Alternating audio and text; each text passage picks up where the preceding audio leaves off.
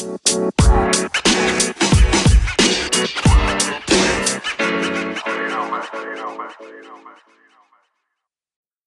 Criminology Folks, apa kabar semuanya? Hari ini kita kembali lagi bareng-bareng sama kalian. Tapi hari ini kita mau sedikit seneng-seneng, bukan bahas hal yang berat-berat. Ini ini sebenarnya bahasan yang seru banget dan lagi happening di perdrama Koreaan. Enggak juga sih. Jadi kayak semua orang sekarang, enggak semua orang juga kayak mayoritas pada nonton drama Korea dan belakangan ada satu judul yang memantik uh, untuk didiskusikan. Ye, yeah, gaya banget. Tapi di sini sekarang untuk untuk untuk bahas si uh, apa namanya per drama Koreaan ini satu judul ini, gue udah bareng-bareng sama geng dra drakor mania nih. Ada Mantap. seperti biasa dari The, uh, The Journal of Criminology Indonesia udah ada Yani. Halo. Nah, ini gue sendiri ada Momot. Nah, kita kedatangan dua teman kita yang seneng banget sama drakor. uh, Vira. Senior drakor. Hai, Ada, mm -mm. satu lagi ada Swaswa. Halo. Nah, Vira nih, Vira sama Swaswa nih uh, kriminologi juga dari FISIP UI juga. Vira uh, teman seangkatan kita bareng terus nah, kita nggak perlu nyebutin lah yang oh, iya. aku junior nih kak. Iya. Gitu. Aku juga juniornya kakak yang lain kak. Mau diisi nomor ratu biar jangan disebut-sebut oke. Okay. Oh. Jadi jadi jadi jadi kita akan bahas satu judul uh, drakor yang lagi happening banget namanya Taiwan Class. Enggak happening juga sih yang belakangan lagi happening itu hmm, yang masih ya, yang Chloe Chloe. yang masih oh iya iya iya benar benar ini cukup banyak dibicarakan. Judulnya Taiwan Class itu Itaewon Class. Eh kita minta cerita dulu dong teman-teman kita ini ya, karena mereka yang paling apal. Coba ceritain gimana sih sebenarnya di, di Itaewon Class ini. dari siapa nih? Dari, dari Vira dulu. Sebagai itu lempar-lemparan kan. drama Korea. Ini apa namanya cerita alur awalnya alur gimana gitu aja alur singkat sebenarnya ini eh, apa namanya film ini tentang apa sih? Seri ini tentang apa gitu. Sebenarnya sih kalau gambaran besarnya film ini tuh lebih ke arah pembalasan dendam gitu sih. Tapi pembalasan dendam yang uh, caranya positif gitu. Jadi yeah. awalnya si Park Seroyi ini kan uh, dia emang model model orang yang memang idealis banget. Dia kayak model laki-laki yang benar-benar nggak mau nggak mau tunduk lah sama siapa pun juga gitu Nah, si pemilik Jangga ini yang di mana bapaknya pernah kerja di situ ngerasa sakit Jangga? Jangga tuh restoran uh, okay. kayak apa ya? Uh, restoran terbesar lah ibaratnya di uh, di di Korea gitu. Nah, Ismaya kali ya. Iya kayak Ismaya mungkin ya atau Boga kali ya. Gue punya franchise. Iya dia punya franchise banyak banget. Nah, nah si terus, bapaknya terus, bapaknya Pak Seroy ini tuh kerja sama uh, apa namanya uh, dijaga restoran ini. Nah dia dia pas lagi awalnya uh, mulai mulai mau pengen balas dendam tuh sejak anaknya dari yang pemilik jangga ini ma apa namanya ngebunuh bapaknya. Sebenarnya nggak ngebunuh sih, dia tuh kayak lagi bawa mobil ternyata tabrakan terus dia ngelariin diri. Padahal sebenarnya kalau misalnya itu ditolongin menurut Pak Seroy itu dia masih bapaknya masih bisa diselamatin. Nah, itu tuh pas lagi mereka uh, abis itu bapaknya meninggal, uh, Pak Seroy ini akhirnya uh, ber, apa ya berencana buat balas dendam. karena uh, dia kayak di di permas malah dia apa ya kayak ibaratnya kayak di, di dibalikin gitu loh. Padahal harusnya kan dia sebagai korban di sini kan. Malah di kayak diputar balikin faktanya gitu dia dijadiin pelaku uh, yang nyerang si anaknya dari uh, pengusaha jangga ini siapa sih namanya? Ah Bo Hyun apa ya? eh, si oh, Jang Geun Won. Heeh, Jang Geun Won. Nah dia emang jahat banget kan karena mereka satu SMA dulunya tuh. Pernah bermasalah juga sama Park Seroyi terus pas lagi apa namanya pas uh, dia mau uh, pokoknya pas uh, pas lagi diketahuin taunya ternyata pelakunya ini si uh, Jang Gong Won ini uh, Pak Seroy itu nonjokin dia hampir mati lah pokoknya ibaratnya akhirnya si Pak Seroy yang dimasukin dalam penjara akhirnya dia merencanakan lah itu balas dendamnya sampai akhirnya dia berhasil buat ngalahin si Jangga gitu. Tapi balas dendamnya tadi ya, balas dendam yang sangat positif. Sebenarnya sih positif, tapi positif-positif yang juga menghalalkan segala cara gitu sih modelnya sebenarnya. Gimana Vira? Fir, Fir, uh, Fir. Ya sebenarnya gue mau nambahin awal mulanya si Pak Roy itu bermasalah sama anaknya si punya jaga itu gara-gara waktu SMA kan mereka ternyata satu sekolah tuh. Mereka tuh baru ketemu di SMA. Jadi uh, si anaknya Jangga ini demen banget ngebully salah satu teman satu kelasnya si Roy. Jadi pas hari pertama si teori sekolah itu si tapi karena si anaknya Jangga ini emang kaya banget ya tajir banget dari takutin sama semua orang kayaknya sampai sekolah itu tuh e, menghalalkan segala cara yang anaknya lakukan. Pokoknya semua itu dimaafin. Oh, anaknya e, bahkan waktu si anaknya itu ngebully temannya itu di kelas gurunya itu nggak bisa ngomong apa-apa gitu kan. Gurunya tahu tapi gurunya cuma diem aja. Karena memang bapaknya si anak ini nih powerful banget gitu. Bahkan bukan cuma di usaha dia tapi sampai kayak uh, sekolah anaknya pun itu pada tunduk sama hmm. bapaknya ini. Nah, jadi waktu di hari pertama itu si Kairo ini ngeliat kan ngeliat temannya ini dibully, dia nggak terima. Temen, temen, dia, uh, ketika teman-teman yang pada diem gitu dan ngebiarin tutup mata lah istilahnya bahkan boleh menutup mata kalau si teman ada satu teman yang dibully sama anaknya si Jangga ini si Sero itu nonjok tuh nonjok tuh nonjok si anaknya Jangga ini kan dan semuanya kaget kok berada ada ada ada yang berani nonjok dia gitu loh. Istilahnya kayak dia tuh untouchable lah ya. Nggak bisa nggak ada siapa pun yang berani ngusik hidupnya dia gitu kan. Nah sampai akhirnya masuklah ini ke kepala sekolah. Masuk ke kepala sekolah ceritanya dan dipanggil lah kedua orang tuanya. Orang tuanya si uh, Roy sama si siapa? Janggen Menari siapa? Siapa nama cowok itu? Janggen Won nah Janggen Won itu. Nah Susah di situ nah di situlah permula asal muasal uh, kenapa Roy dendam banget gitu loh sama bapaknya ini. Karena kan karena jelas-jelas anaknya yang ngebully tapi malah justru si Theory yang dikeluarin dari sekolah di hari pertama dia sekolah gitu kan. Dan bukan cuma itu aja dan bapaknya Roy pun dipecat gitu dari uh, perusahaan dia. Ya dari Jangga nah dari situ kasusnya bermula sampai akhirnya dituntut di apa setelah itu ada lagi kejadian bapaknya meninggal dibunuh sama bukan dibunuh sih tabrak lari sama anaknya si Jangga itu nah itu akhirnya ke akumulasi bahkan ketika Roy akhirnya jadi korban tapi ternyata dia masuk penjara gitu kan itu pun atas campur tangan bapaknya itu gitu jadi kayak dia ngebayar polisinya polisinya dibayar sampai akhirnya uh, keputusannya itu nggak bisa keputusannya itu akhirnya si Roy lah yang bersalah gitu. Hmm. Eh, Cuman enggak deh, bukannya enggak deh, kayaknya untuk masalah dibayar. Ya, yang detektifnya itu, yang detektifnya, detektifnya akhirnya mundurin, mundurin diri kan karena dia ngasih kesaksian palsu. Oh iya, yeah. aku lupa. Iya, iya benar-benar. Iya dia ngasih kesaksian palsu karena ya ibaratnya duit sih, ujung-ujungnya duit sih, duitnya duit bapaknya itu berkuasa banget sih, jadinya. Nah akhirnya si Roy gimana caranya pokoknya tujuannya adalah dia ngebuat bapaknya yang punya jangga itu harus berlutut depan dia gitu. akhirnya segala cara dia lakuin dia uh, uang asuransi bapaknya dimanfaatin dia buat buka usaha uh, sampai akhirnya benar keinginan dia tuh tercapai gitu loh si bapak yang pemilik jangga itu di episode episode akhir itu memang betul lutut di depan si Seroi kan. Tapi ternyata dia ngomongkan kok gue nggak bahagia ya? Padahal itu gue gue udah dapet apa yang gue mau tapi kok gue nggak merasa bahagia ya? Gitu. Ternyata ada yang lebih dari itu. Gitu sih Bo ceritanya. Sampai akhirnya jadi, jadi dia kayak walaupun dia nggak lolos SMA dia mantan pidana gitu kan cuman dia bisa ngebuktiin kalau dia bisa jadi seseorang gitu. Sampai akhirnya dia buat perusahaan uh, uh, apa nama perusahaan dia itu Itaewon Itaewon dia kelas? Ya ya IC ya IC, IC, IC.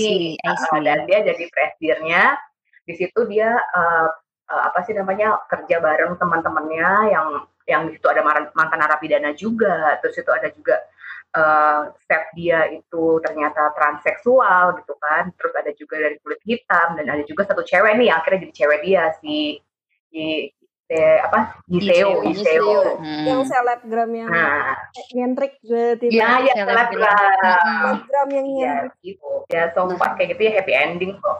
Terus kenapa Iya. Mau- Sama- sama sebenarnya tuh kenapa dia dibilang idealis juga ya karena awalnya kan pas lagi dia masalah sama anaknya si Jangga ini Jang Daihe ini dia disuruh sujud ya suruh minta maaf gitu lah suruh berlutut Ya. di depan ini. Nah dia tuh nolak. Terus pas dia mau dipermasalahin ke dia maksudnya pas lagi dia dituduh sebagai pelaku juga biar dia gak dipenjarain dia disuruh berlutut lagi dia juga tetap nolak. Jadi udah kayak ada beberapa kali uh, setiap ada momen di mana dia ngerasa uh, si pemilik jangga ini uh, Sairoi ini butuh banget bantuan dia dan dia harus berlu- uh, berlutut tapi Ya, dia ya, selalu ya. tolak gitu sampai akhirnya dia bener-bener ber- uh, Berlutut. apa namanya berlutut karena dia pengen nolongin si Yiseo itu Eyo, kan. ya ya, diculik itu ya, ya. Akhirnya Iya. cewek ya, kelemahan dia akhirnya cewek. cewek ujung-ujungnya percintaan gitu Em, Tipikal ya. Mm-mm. tapi tapi tapi di di luar kedramaan percintaan di film ini sebenarnya ada poin-poin yang menurut eh, gua sebenarnya menarik nih untuk dibahas di sebagai ini ya, sebagai iya benar penonton drakor baru menurutmu? Heeh. lagi Iya, gue bincang-bincang. penonton drakor baru sejak WFH ini baru dua judul. Ini judul kedua yang menurut gue akhirnya perlu banget merasa dibahas di uh, of Criminology Indonesia Lagi ini. semangat- semangatnya mau motor. Baru baru kena dia Yan. iya.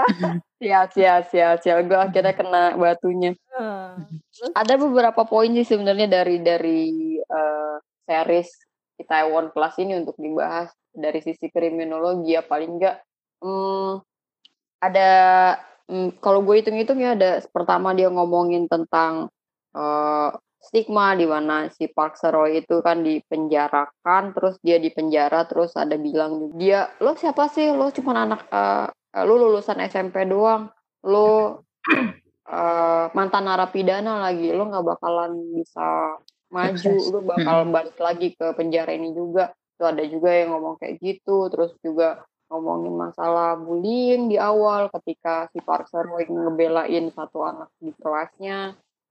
Terus itu kan ngomongin bullying kan sebenarnya gimana gimana Jang Geun Won pengaco itu tapi tapi di sekelilingnya bahkan gurunya kepala sekolahnya dia, dia tutup mata untuk masalah itu terus juga cuma karena dia punya kuasa bapaknya kaya raya.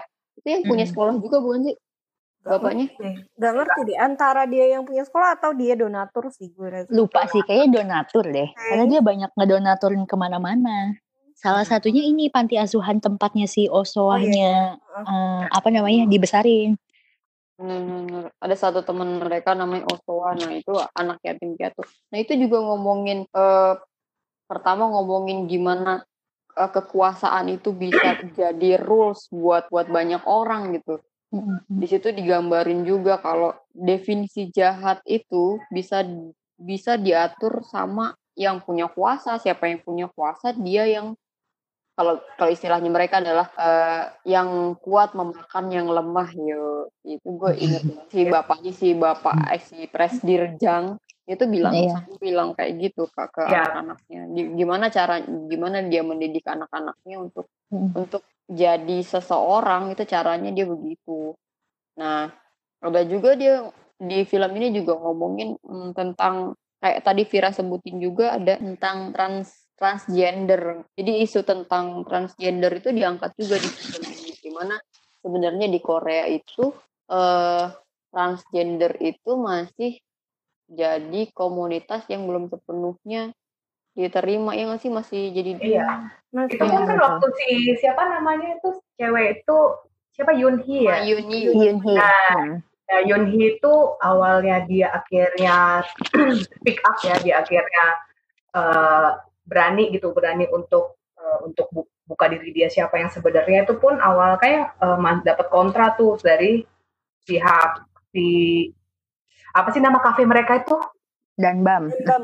dan Bam gitu kan, Hmm. karena si si Yesonya bilang kan gimana kalau misalnya kita memperkerjakan seorang transgender atau transseksual ini bakal ngaruh nggak ke ke ke tamu-tamu kita gitu. Hmm, Jadi hmm. memang sempat dapat memang sempat kayaknya di sana pun masih belum begitu open ya dengan masalah ini gitu kan. Apalagi Hmm. untuk hal orang-orang iya sih menurut gue sih gitu ya karena sempat, sempat dibahas juga kan itu kayak jadi satu masalah juga di film itu gitu. Uh, pas waktu dia ikut kompetisi kan uh, masalah transgendernya itu kan nah iya benar-benar Iya. ya, yang dibongkar kan Di blow up. Mm-mm. berarti kan kalau maksud kalau sampai kayak gitu berarti nandain bahwa masyarakat sana masih belum open Bisa terkait terima. isu Mm-mm. uh, LGBT ini pokoknya Ada dua berarti masalah stigma di sana ya ngomong masalah si transgender sama satu lagi yang untuk eh, Mantan penerimaan narapidana. terhadap mantan narapidana Mm-mm. gitu. Terus sama ada satu lagi bukan mungkin apa masih ngomong eh, rasis juga kali ya Oh iya iya dia ngomongin Rasis, masalah rasis. diskriminasi. Iya, karena kan salah satu karyawannya itu waktu mereka buka open recruitment gitu kan ternyata yang berhasil yang lolos tuh kulit hitam gitu kan itu pun jadi salah satu per, eh, isu juga kan di antara mereka gitu Mm-mm. kulit hitam yang ternyata dia tuh orang Korea sebenarnya sih cuma bapaknya emang orang orang kulit hitam Mm. Orang Guinea ya. Hmm, Iya, kalau- iya iya. Kalau nggak salah ingat. Kalau nggak salah. Guinea Tapi Gua tapi ibunya Korea asli. Hmm. Ini sebenarnya filmnya banyak ininya sih yang kayak eh, masa sih nggak mungkin lah gitu. Tapi ya udahlah ya nikmatin aja. Tapi paling enggak tapi poin- gue bahas uh, gue nonton uh, YouTube. Hmm. jadi ada yang orang Korea sana yang bahas uh, YouTube-nya tuh DKDK TV Uh, dia tuh ngebahas konteks sosial di Koreanya kayak gimana. Nah dia ngejelasin ter- terkait uh, kenapa sih uh, tentang kelakuan Jang Geun Won case itu kalau misalnya baca-baca berita terkait konglomerat anak-anak konglomerat itu banyak banget anak konglomerat di Korea yang nyebabin masalah. Jadi sampai ada Hmm. eh anaknya Korean Air, eh, anaknya yang punya Korean Air, dia tuh kayak pernah eh dia tuh eh, pramugarinya ya gin apa gitu, dia eh, lupa gue cuman eh, nggak sesuai sama keinginannya. Terus pramugarinya dimarahin atau disiram air apa gimana gitu. Terus kayak gitu. Terus juga ada masalah eh kalau nggak salah tuh ada eh, si si eh, anaknya eh, perusahaan apa gitu. Dia sampai di penjara, dia sampai penjara karena tuduhan tuduhannya gue lupa. Cuman yang pasti di penjara. Nah, tapi walaupun dia di penjara, cuman karena dia anak anaknya yang punya, dia tetap jadi CEO. Dia CEO-nya tetap dia.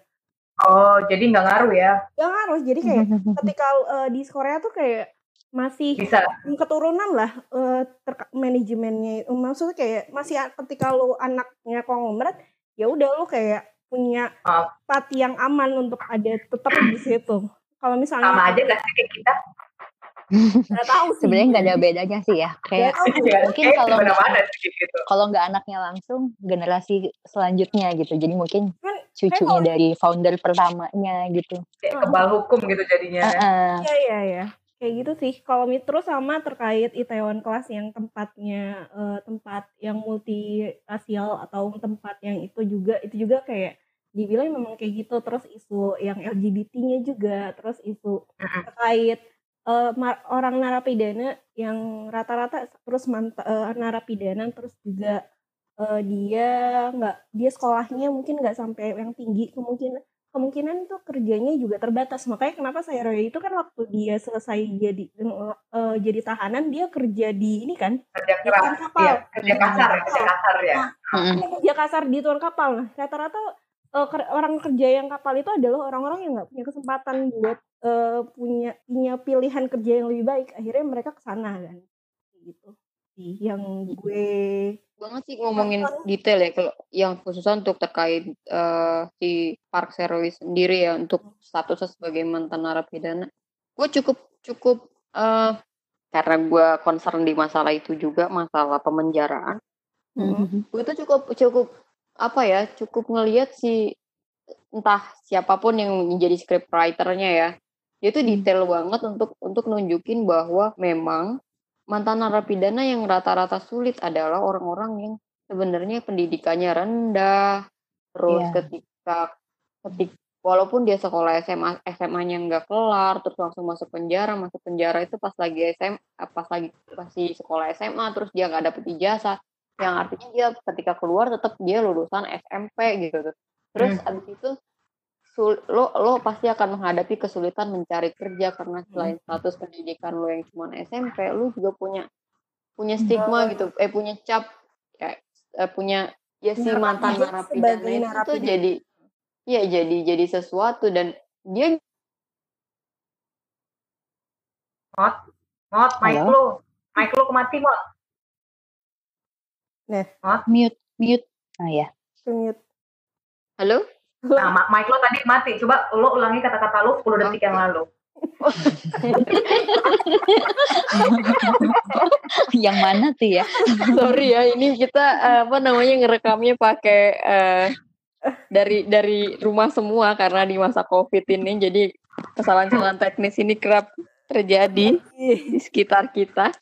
Nah, yang mana Fir? Sampai mana terakhir? Ada anak SMA. Jadi kayak anak SMA dia masuk dapet ijazah. Ada ijazah. Ya, dia- terus juga Dia cukup eh, detail level. ketika ya ketika menje- menggambarkan hmm, apa ya? eh, nasib sebenarnya nasib orang-orang eh Mm-mm. ya nasib orang-orang yang sebenarnya masuk penjara eh di eh, rata-rata di penjara. Gue gue menemukan itu sebenarnya waktu gue Tapi, tapi itu sesuai dengan kenyataan nggak sih, nggak sih, Mot? Iya, sebenarnya?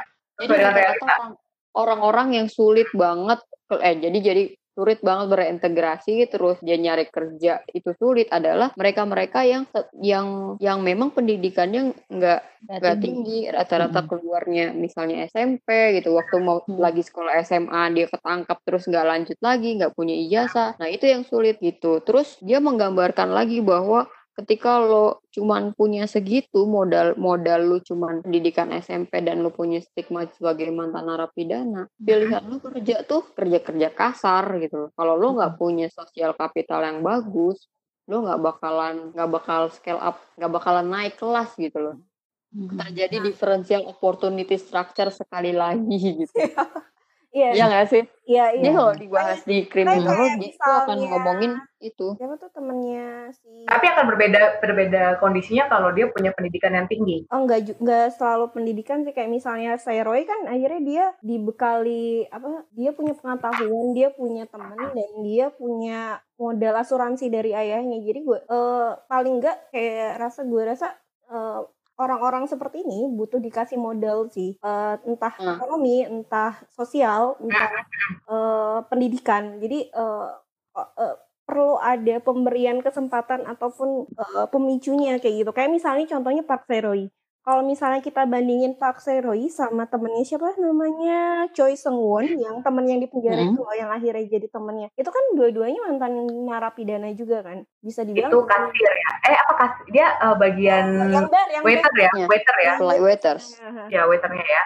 dia kan sama-sama mantan narapidana Seroy ini tapi kondisinya jelas beda ya. Kalau Se- eh, Sengwon itu emang dari ya udah emang dia terlahir dari kelompok eh, yang mungkin kurang beruntung dan akhirnya yang dia pikir ya udah gue sampai mati pun akan kayak gini sebelum dia ketemu Park Seroy kan. Beda sama Ya. Seroy yang sebenarnya dia dari kalangan middle class juga kan. Orang tuanya dia di sekolah masuk eh, manager. di- eh, orang tuanya manajer terus dia satu sekolah sama yang punya jangga itu berarti kan eh, Hmm. eh, gue sih mikirnya ya logika gue berarti kalau misalnya anaknya yang punya duit sekolah itu seharusnya sekolah itu juga eh, punya lumayan lah ya oke pendidikan Tapi nggak juga. Kayaknya sih itu sekolah umum deh. Yang soalnya si eh, Hmm? Soa itu kan anak panti asuhan. Dia sekolah di situ juga kan? iya tapi kan di kayak di Oh, dia panti basic usa- sekolah. panti Tapi kan asuhannya jangga tapi kan disekolahin sama Oh. si an- eh, si bapaknya Seroy kan kalau nggak salah terus juga Ini Kuliah disekolahin tuh Setelah itu Kuliah dia disekolahin. Nah, terus Mm-mm. juga sama ini, sama kayak eh Vero itu punya modal eh, asuransi bokapnya yang nggak dipunyai sama Sengwon kan. Jadi eh Seroy punya modal buat bangun usaha. Itu satu sama eh, dia punya koneksi temennya yang jago banget mengelola keuangan itu loh. Jadi Ya kayak itu Iya. yang temannya dibully itu. jadi dia punya modal sosial. Dia memang nggak dia memang narapidana, tapi dia punya modal sosial, dia punya modal ekonomi dan eh, kalau misalnya kita lihat lagi kan dia eh, dia orang Dia tuh kan, dia orang eh, dia orang ambisius deh. tinggi terus ya ambisius iya juga. Cuman kan kayak eh, ya kalau kita ngomongin itu juga kan kalau ambisius nggak ada modal juga kan ya agak sulit juga ya gue sih kayak gitu cuman karena eh, ada modal ini makanya kenapa akhirnya kondisinya Pak Seroy bisa memperjuangkan yang dia inginkan terus eh, Sengwon pun karena dia kenal sama Pak Seroy akhirnya dia terangkat juga kan jadi gimana modal sos menurut gue modal sosial modal ekonomi itu penting sih untuk diberikan ke orang-orang yang nggak punya kesempatan ini Hmm. jadi tapi sebenarnya Seng apa, namanya? Sorry sorry, ah, si Sengwon ya, Sengwon Hmm? itu Kamu yang mana yang tuh? Wah, yang itu yang si siapa namanya temennya Oh, Sairoi yang ya? kerja bareng, heeh, yang Hmm? kerja bareng itu dia tuh bukannya sebelum masuk ke penjara itu emang dia anak buahnya si Iya, Kim Oh. Hye-won yang Yang nyulik yang terakhir ya? iya, heeh. Mafia ya, mafia kan? Iya, iya tergabung dalam anggota mafia gitu kan Heeh, sebelumnya. jadi jadi gue juga mikirnya mungkin terlepas dari mereka Karena- dia memang nggak punya kesempatan tapi karena emang dia ngerasa bahwa dia keluar dari situ dia akan kembali lagi Nah, ke gengnya kayak- ini gitu. Kayak apa sih pola pikir dia tuh masih ini loh kayak Heeh, masih belum kebuka gitu loh kalau kebuka, oke iya betul. gue gue akan selamanya kayak begini gitu. Masyarakat nggak akan terima Iya. gue gitu kan. Itu salah iya itu salah satunya juga kan. Bagaimana kayak karena karena pemer- eh, orang udah labeling dia dan dia pun udah merasa bahwa dia adalah ya udah gue orang jahat dan orang jahat ngapain eh, harusnya ya emang hidupnya gini kan. Dia orang yang. Yang menginternalisasi lab- label yang diberikan Iya. oleh eh, masyarakat ke dia kan Eh apa istilahnya ini menginternalisasi label yang diberikan masyarakat ke dia? iya label Apa ya? label Apa ya? looking glass ya? cell Label itu looking glass cell looking glass cell itu gak sih iya iya iya jadi looking glass cell. Ya, jadi- inget gue iya jadi ada Aduh maaf nggak Iya, ingat. ada ada. ada semester ada ada dua ada. ada. Ini kan? Hmm, teorinya uh, labeling kan salah satu teorinya dari Lemert terus Lemert itu kan uh, dia tuh turunan dari uh, teorinya apa ya yang kira bilang uh, looking glass self itu lupa gue namanya. Apa ya? Coba gue cari dulu ya. internal internalisasi nilai benar, cuman ada satu satu istilah yang apa? yang hmm, itu ya gue lupa tapi nanti kita cari lagi. teorinya Charles Horton ya oh ah, siapa Oh, Charles Horton bukan sih Morton, Morton, bukan Morton kan adaptasi. Horton Kuli Oh ya, oh iya Kuli, iya Kuli, Charles Horton Kuli, nah di belakangnya coy. Gila, salut gue sama temen-temen gue nih. Karena Beneran itu pada belajar ya. adalah pada Google. Oh, gue Google. Wikipedia. sama-sama Tapi sejak gara-gara ini gue jadi diingetin lagi sama Kuli, gue hampir lupa nama nama Kuli. gue juga gak pernah inget sama namanya dia Lanjut, lanjut, lanjut, nah lanjut. terus Ini, aku mau nyambung yang masalah tadi terkait dengan eh, si gimana sih sebenarnya mereka itu kunci-kunci kunci keberhasilan narap, eh, mantan narapidana untuk berintegrasi dan berhasil gitu survive di tengah masyarakat. Itu sebenarnya benar kata Yani bilang dari hasil eh, penelit apa riset gua terkait tesis yang kema- yang gua kerjain kemarin itu Heeh. sebenarnya ada ada sosial kapital Mhm. selain sosial eh, selain kap- ekonomi ya itu jadi jadi sa- jadi satu variabel yang penting banget untuk di- dipunyain sama setiap mantan narapidana. Kenapa? Karena dengan adanya sosial kapital, sosial kapital nih isinya keluarga, teman, Hmm. siapa pun ya yang bisa mensupport. Kalau misalnya si Seroi kan ada teman-temannya tuh pertama Sua, Soa pas dia keluar dapet si eh, siapa? Yiso Yiso juga kan Yeso Yiseo. Theo, Yiso Iseo. Terus ada juga yang temennya yang yang dulu dia belain pas tem- SMA temen yang Ah. dibully yang dia belain dia jadi manajer keuangannya terus yang Terus itu juga juga- tuh salah satu direktur jangga juga tuh kayak yang perempuan itu siapa Oh iya, Oh ya. ya, ya, ya, direktur, Ninjun. direktur Kak, direktur Iya. siapa itu? Kayak tante-tante itu ya. Eh, ya yang itu tante. juga terus juga si ingat gak jadi sebenarnya saya Spark Seroi sendiri itu jadi sosial kapitalnya si Sengkwon Mm-mm. ya Won nggak yang sih mana sih? Iya, yang Iya, yang si oh, waitressnya si itu waiter. Oh iya, iya benar-benar. Iya ah. nggak sih kan Iya. Iya, ya pertama kali juga yang kayak ngebikin sadar si Sengkon kalau dia tuh siapa si waiter tuh kalau dia bisa jadi seseorang tuh si Roy juga sih waktu diajak Mm. gabung kerja tempat dia kan. iya nah Tapi be, tapi basicnya yang yang gue lihat ya, eh, si Seroi ini sebenarnya pas keluar dari eh, penjara dia nggak punya siapa-siapa kecuali si temennya yang jago eh, econ of business itu si Hojin itu. Iya, iya. Karena si Soa Soa ini kan udah rada ngejauh sama dia, Oh. dia di dikasih beasiswa kan. mm, Terus dia yang- kayak "Ah, ah, udah ngerasa udah ngerasa kayak rada menjauh tuh. Terus yang Yiseo dia masuk pertama kali eh, ke ke sana karena memang ada beberapa tahapan akhirnya mereka kenalan gitu maksudnya. Jadi kayak Iya. benernya mereka basicnya keluar tuh sama kayak si temennya sama-sama nggak punya nggak punya siapa-siapa gitu di luar yang emang bisa mereka andelin dan akhirnya mereka bisa kembali lagi ke masyarakat gitu. Tapi enggak wah, yang pertama kali ketika pertama kali si Heroi keluar, itu kan dia langsung ke, ke Itaewon ngunjungin si siswa itu. Oh iya, tapi, iya. tapi walaupun Iya. dia punya soa, tapi soa tuh kayak bukan Nggak- teman nggak- yang mendukung Heeh, gitu nggak loh. support, Jadi kayak, nggak. kayak, Ah, lu mau ngapain? Lu mau ngapain? Abis ini bukan yang secara langsung ngedukung. Eh eh ini Iya, enggak, enggak. Iya benar-benar bukan yang ayo gue cari ini kerja lo kerja lo boleh tempat eh boleh tinggal di mana gue sewain rumah atau apalah gitu-gitu loh. Nggak nggak yang supporting gitu loh. Malah dia ngetawain Iya. ketika Seroy bilang tujuh tahun Oh, lagi gue akan iya, berkendai di sini gitu eh tapi sebenarnya dia bukan nggak mau dukung sih. Cuman kan kayak beda aja cara pandangnya gue rasa. Udah udah Itaewon loh, pola pikir tuh udah Itaewon sih. Heeh. waktu itu. Iya Jadi kayak serius lu gitu kan. Mungkin deh, ya ternyata bener kan. Ternyata waktu itu dia ngebeli kan yang danbam itu. Mm. Nah, lanjut nih. Kita bah tadi kan udah bahas eh, sebenarnya gimana oh, apa namanya gimana sisi-sisi kriminologi dari sisi korban sebenarnya ya enggak sih secara nggak langsung. Mereka itu korban si si Hojin yang dibully itu korban, Park Sero itu sebenarnya korban, terus akhirnya dia jadi pelaku, terus eh siapa lagi tadi?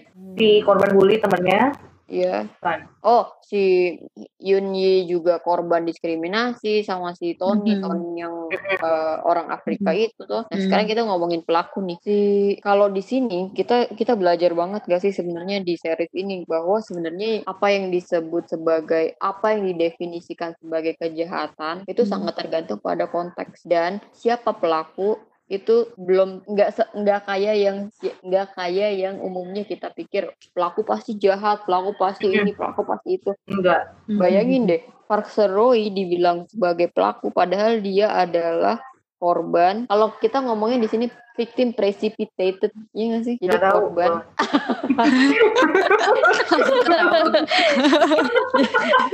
Iya iya Fir.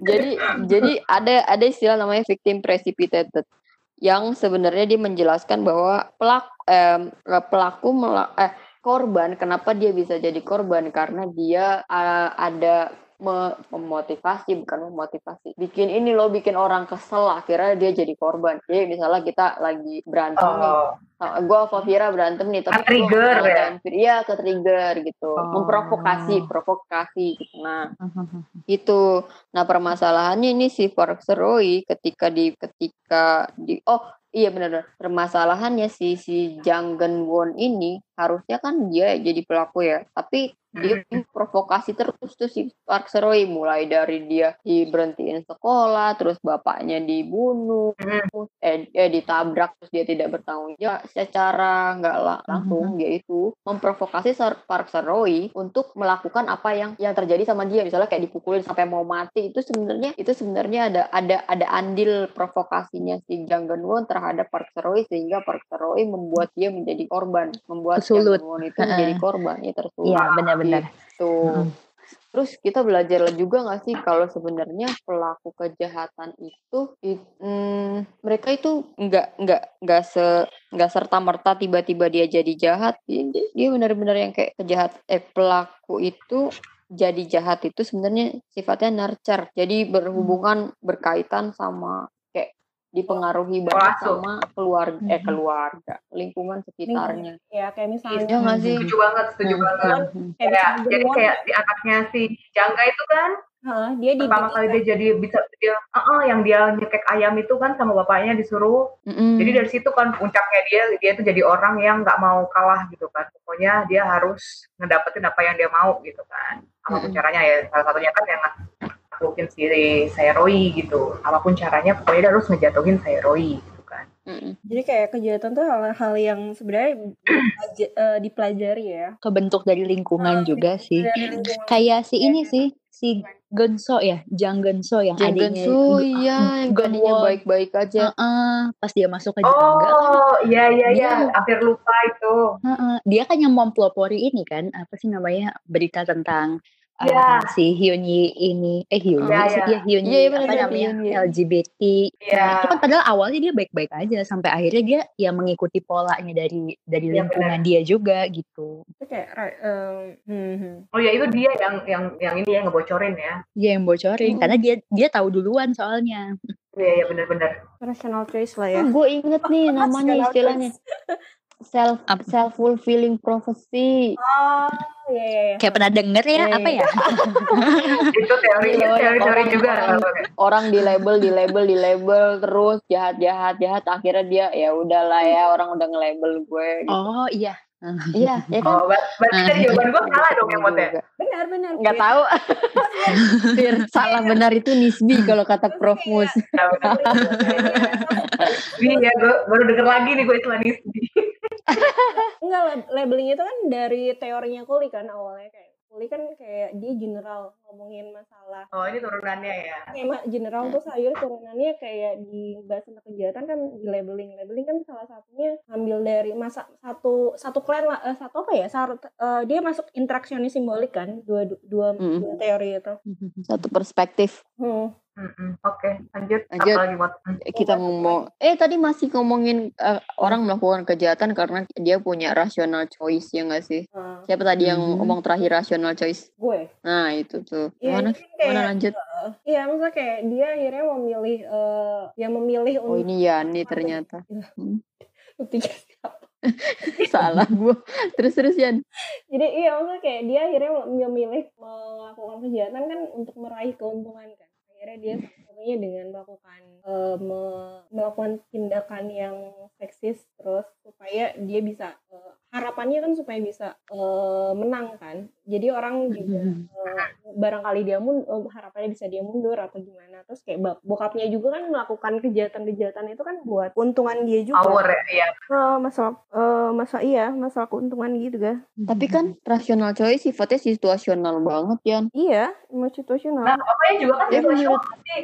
Enggak tapi menurut gue deh, kalau misalnya kita ngomongin apa yang dilakuin sama Jang Genso itu bukannya masuknya ke ke teori adaptasi Morton ya? Hmm, adaptasi Ya Martin nggak sih? Ada bisa juga. ada konformis ya nggak sih? Ada konformis, ada inovasi dan Heeh. lain-lain itu. Kalau misalnya Martin kan ngomongin tentang kayak eh, tentang adaptasi, oke beda ini sih mood mood gue. Eh, masih sa- masih sama sih mood. Dia kayak mirip sih mood gue kan kalau diadaptasi kan salah satunya ada yang mencapai eh, misalnya innovation. Ini kan kayak eh, yang dilakukan sama apa sih Jang Genso itu kan kayak innovation kan. Jadi kayak dia ingin mendapat kemenangan tapi dia menggunakan cara-cara yang eh, tidak dibenarkan kayak gitu. Itu kan Ya. sama, sama kayak Mhm. misalnya eh kalau rational choice kan kira-kira sama lah dia mengambil kejahatan untuk eh, untuk keuntungannya. Kira-kira kan yang diinginkan kira-kira sama kan. Jadi eh gue rasa sih Iya sih, ketika dia menilai, mempertimbangkan eh, kalau dia melakukan atau tidak melakukan mana yang lebih menguntungkan Mana yang lebih, sih iya. terjadi ya ter- ya. Tapi kalau kita di kalau di psiko ya, ya Hmm. Ini puasa di psiko juga nih. Kita ngomongin rasional rasional tuh sebenarnya nggak rasional banget ya ya ya. Wah, Ya itu sebenarnya bukan pilihan rasional sih. bias-bias. Iya. ada nggak? Gila gue tercerahkan banget ketika ngomong anjir iya ada banyak bias di manusia eh ya ketika berpikir sehingga apa yang dianggap sebagai rasional tuh belum tentu sepenuhnya rasional eh ya makanya kayak rasional agak beda. Kalau misalnya rational choice di krim kan rata-rata biasanya kontu, eh, bi- eh, biasanya jelas ya keuntungannya kayak ngomongin cost and benefit ya Iya, cost and be- benefit. Tapi Kalau psikologi mungkin banyak eh, rasionalnya beda lagi eh, konteksnya ya. Iya nggak sih? Hmm. Nggak tahu. Tapi yang ini tuh dia lebih lebih ke arah dia dapat tekanan juga gak sih sebenarnya? Jadi sebenarnya nggak nggak murni dari pilihan uh, personalnya dia juga gitu, karena dia juga ditekan dari atas. Akhirnya dia merasa bahwa ini adalah pilihan yang paling mungkin buat gue lakukan gitu. Hmm. Kalau sebenarnya awalnya dia nggak kepikiran sampai ke sana kan sebenarnya. Ini kasusnya Hmm. si adiknya itu. Mm-mm, kasus Iya, adiknya ini. Iya, kalau Karena dia dapat pengakuan bokapnya itu kan kayak Ya, bapaknya. Ah, benar-benar benar. ah. Iya. itu jadi Jadi- goalsnya dia kan si pengakuan itu Jadi kayak Oh, motivasi bukan- juga bukan motivasi eksternal gitu. juga gitu loh. Mm. Karena kan dia anak eh, anak apa sih dibilang selir ya? Di selir lebih keren. iya iya benar Iya, Kalau kan dikira- dia kan anak selir. Dibilang anak selir. haram ya ampun sampai gue lupa isu ini Heeh. itu juga Iya, tahu tuh ya selir bapaknya pokoknya. Iya. Nah iya tuh stigma juga jadi kayak dia tuh nggak nggak dianggap gitu kan walaupun dia anaknya yang punya jangga tapi dia tuh kayak nggak merasa ah, nggak merasa aduh gue ini anak haram anak atau nyokap gue bukan nggak punya hak gitu loh atas kekayaan jangga Mhm. Kan nggak diakuin kan namanya. Mm. Iya. Dia aja ngomongin ini banget ya apa namanya? gimana perempuan perempuan ditempatkan sebagai bukan sesuatu yang eh sebagai kelompok subordinat. Itu gimana coba? Dia Osowa terus si ibunya Mm-mm. si Jang Genso nggak dianggap sama sekali. Inget terus si hmm, siapa lagi ya? Osowa kan emang karena posisinya nggak kuat. Bergening posisinya lemah dia. Tapi yang keren di sini yang ngomongin tentang posisi ya yang keren di sini sebenarnya adalah eh si Ye- Yuseo ya nggak sih Theo. Hmm. Eh, tapi soal Iya, ya oh iya sih. tapi menurut gue soal juga keren kok maksud gue kayak dia dia pintar dan dia dia cukup dia sangat rasional loh menurut gue Eh, di eh, Dia ada kesayangannya si Ja, si punya jangga kan. Iya kan karena dia rasional, dia pintar dan eh, dan Ye- eh, Yesu juga menurut gue kayak film ini posisi perempuan cukup baik sih digambarkan. Dia bukan jadi eh, sosok yang melankolis yang nggak rasional dan lain-lain. Nah, di sini kayak perempuan Dan- eh, yang nge-trigger ataupun kayak yang bisa ngasih Itu yang keputusan. Yang lebih banyak speak up gitu ya. dia kalau dari soal dari soal perempuan sih dia udah kayak equal ya perempuan laki-laki. Kayak direktur yang perempuan itu siapa namanya? Kang Kang, kan? Kang Min. kan direktur Kang gitu kan ada posisinya posisi tinggi gitu dipegang sama perempuan lengkap banget nih film ya Tapi kalau misalnya ngomongin masalah film ya kayak gue bisa lihat sih kayak eh, yang pasti akan ada hitungan kapitalisnya lah ya. Cuma maksud gue kayak eh, film Itaewon sendiri sih menurut gue eh, punya punya cukup arti buat eh, Korea itu sendiri. Jadi kayak di sini film tuh punya fungsi buat ngerubah eh, wacana terkait hal-hal yang tabu, terus hal-hal yang eh, dismi- diskriminatif kayak gitu. Jadi eh, eh, dia kan ngangkat isu tentang diskriminasi terhadap eh, eh, LGBT terus juga ras terus juga yang narapidana tadi terus juga masalah ke, eh, kes, kes- ketidaksewenang eh, kesewenang-wenangan dari orang-orang yang kaya kayak gitu ya. Hmm. terus juga eh, nah itu kan semua dilawan eh, berusaha buat dilawan kan di film ini gitu Iya, Iya sih. Ka- karena kan film ini kan sebenarnya baru keluar tuh bulan apa tuh ya? Bulan Febu eh Januari kan? Januari 2020 tuh. Itu tuh padahal di September 2000 2000 ke 2019 Hmm? masih ada artikel-artikel yang model kayak jadi BCC gitu, eh BBC Hmm. tentang LGBT. Jadi emang uh, menurut mereka uh, emang ini suatu dosa yang dilakukan sama orang-orang yang emang memilih untuk sebagai LGBT, eh, LGBT gitu atau nggak mereka dianggap sebagai uh, orang-orang mental illness juga gitu. Jadi akhirnya kayak sih pas lagi mereka proses syutingnya ini dia angkat buat menghilangkan um, pandangan-pandangan inilah di Korea Selatan gitu. Karena emang ada gerakan-gerakannya yang kayak homoseksual is sin gitu-gitu, return to eh, Jesus gitu-gitulah pokoknya kayak eh, yang bikin akhirnya semua orang tuh kontroversi nggak mau menerima LGBT di eh, lingkungan mereka gitu. gue heran deh Hmm. Padahal kan gue gua nggak tahu ya gue baru-baru banget nih gue terjun ke dunia drakoran gue liatnya sejauh ini ya kenapa apa dari dari yang gue lihat dari teman-teman gue yang suka drakor Hmm? gue sampai nggak bisa bedain loh cowok-cowok Korea Korea itu Hmm? bener-bener yang satu sama lain tuh mirip dan semua gue merasa semua itu kayak pakai bedak Eh, enggak mereka emang putih. Emang putih. kenapa mereka masih punya masih mindset gue gue nggak tapi nyangka aja ketika mindset mereka masih yang sangat anti LGBT ketika cowok-cowok di sana tuh di di encourage gitu untuk tapi itu bukan joget mereka apa, bukan gay man macem. mereka bukan Iya. gay mod mereka tuh Iya. kamboyan Ah, betul. Mereka tuh cuma suka joget-joget aja, tapi mereka nggak mereka gay. tetap keren mereka tetap preferensinya cewek gitu Iya. tapi di Taiwan sendiri ya kayak gue belum pernah nemuin film Korea mana pun gitu ya yang berani ngangkat pertama eh, transseksual. Kedua di Taiwan itu ada ada peran gay. Temennya temennya Si si Soa Heeh. Nah, itu. Kayak selama ini kayak Korea itu selalu main aman ya film eh, drama serial Korea yang lain gitu ya selalu main aman mereka. Kalau gue cewek cewek iya kayak gak pernah ada ngangkat gay gitu. Even kayak banci ya sorry banci dalam tanda kutip gitu itu nggak pernah ada. Jarang menurut gue di film Korea.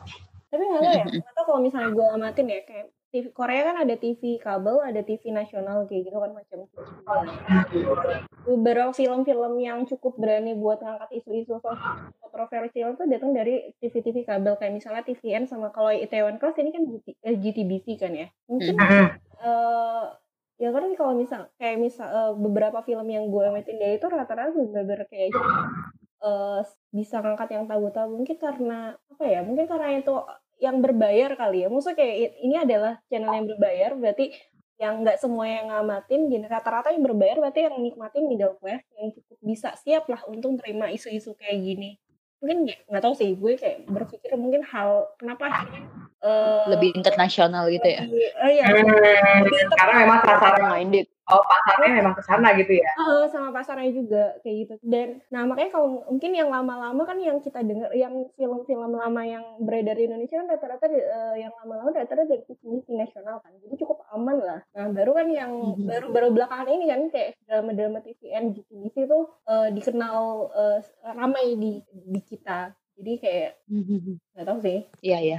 Iya, tapi emang uh, yang selama ini kan gue juga ter- termasuk anak baru yang baru nonton drakor juga kan. Uh, dan gue tuh kayak me- apa ya melihat ada satu kesamaan dari budaya kita di Indonesia sama budaya yang ditampilin sama drama-drama Korea ini.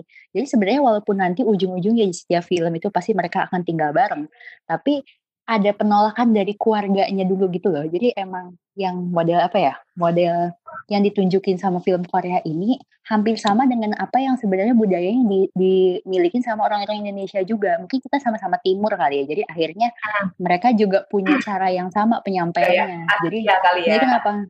Jadi kenapa LGBT juga masih dianggap sebagai suatu uh, apa ya mental illness Tabu. lah atau enggak suatu tabu gitu. Terus kayak kayak narapidana kita menganggap narapidana di Indonesia juga masih kayak gitu kan sekarang kan.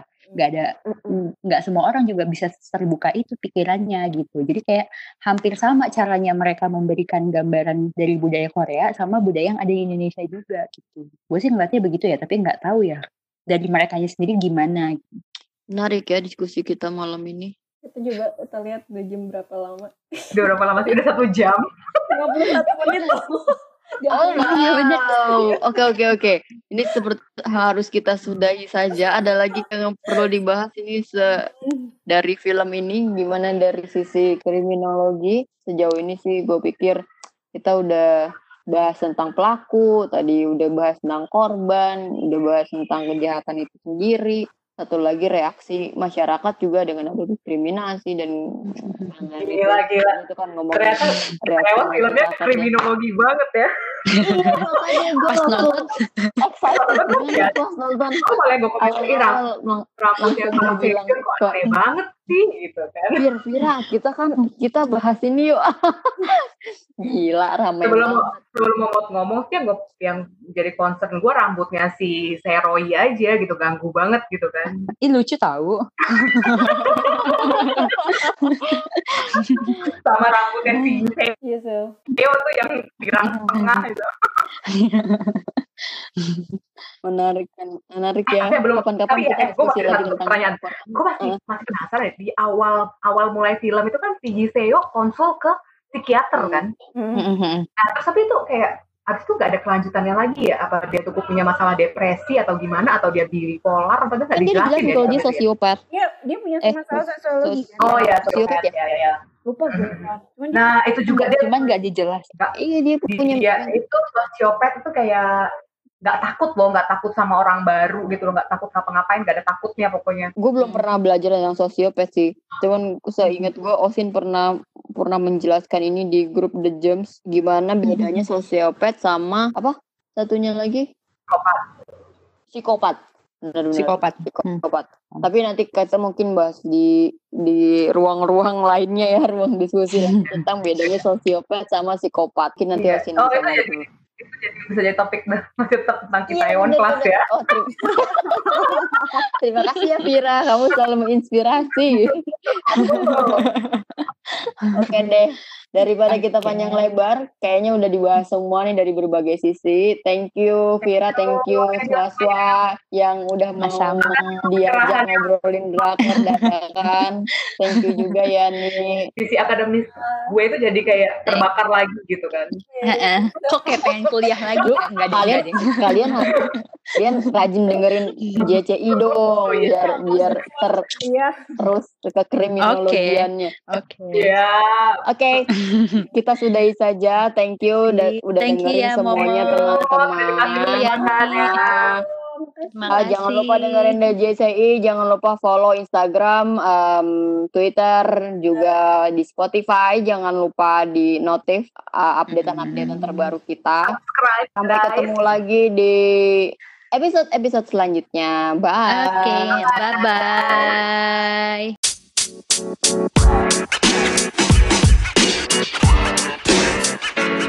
know, man. You.